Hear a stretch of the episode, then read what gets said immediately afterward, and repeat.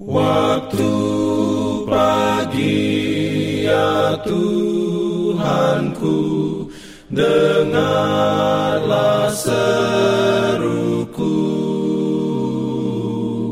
Melayang doa yang sungguh Memandang padamu. Selamat pagi pendengar Radio Advent Suara Pengharapan Mari mendengarkan suara Tuhan melalui tulisan pena inspirasi menjadi putra dan putri Allah.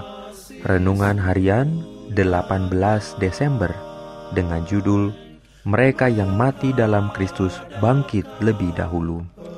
Ayat inti diambil dari 1 Tesalonika 4 ayat 16. Firman Tuhan berbunyi, Sebab pada waktu tanda diberi, yaitu pada waktu penghulu malaikat berseru dan sangkakala Allah berbunyi, maka Tuhan sendiri akan turun dari sorga, dan mereka yang mati dalam Kristus akan lebih dahulu bangkit. Diberikannya perlindungan Urayanya sebagai berikut. Sang pemberi hidup itu akan memanggil milik tebusannya pada kebangkitan yang pertama dan hingga saat kemenangan itu, ketika sangkakala yang terakhir berbunyi dan tentara besar keluar untuk kemenangan kekal, setiap orang saleh yang tidur akan disimpan dengan selamat dan akan dijaga sebagai permata yang indah yang dikenal oleh Allah dengan namanya. Oleh kuasa juru selamat yang diam di dalam mereka ketika mereka masih hidup dan oleh sebab mereka adalah orang yang beroleh bagian sifat ilahi, mereka dibangkitkan dari antara orang mati. Saatnya akan tiba, kata Kristus, bahwa semua orang yang di dalam kuburan akan mendengar suaranya.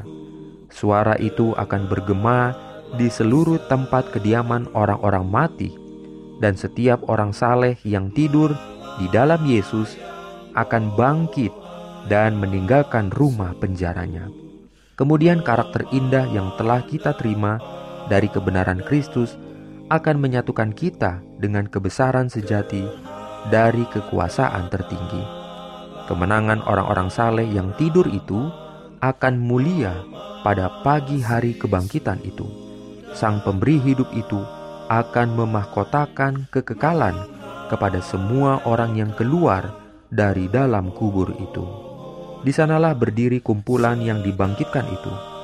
Pikiran terakhir mereka adalah tentang kematian dan segala penderitaannya. Pikiran terakhir yang ada pada mereka adalah kubur dan maut. Tetapi sekarang mereka menyerukan, "Hai maut, di manakah kemenanganmu? Hai maut, di manakah sengatmu?"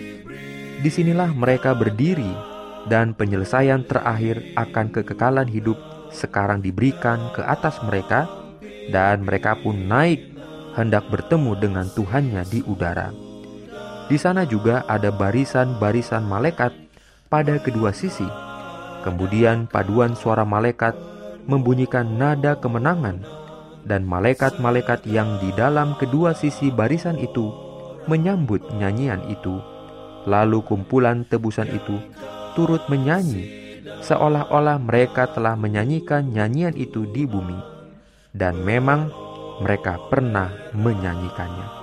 Oh, betapa musik yang luar biasa! Tidak ada satupun suara yang tidak harmonis.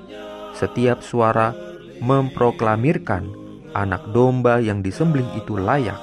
Dia memandang penderitaan jiwanya dan telah dipuaskan. Amin. Pimpin aku ya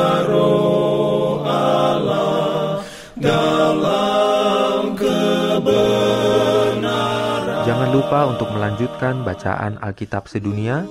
Percayalah kepada nabi-nabinya yang untuk hari ini melanjutkan dari buku 1 Yohanes pasal 4. Selamat sabat dan selamat berbakti. Tuhan memberkati kita semua. Jalan.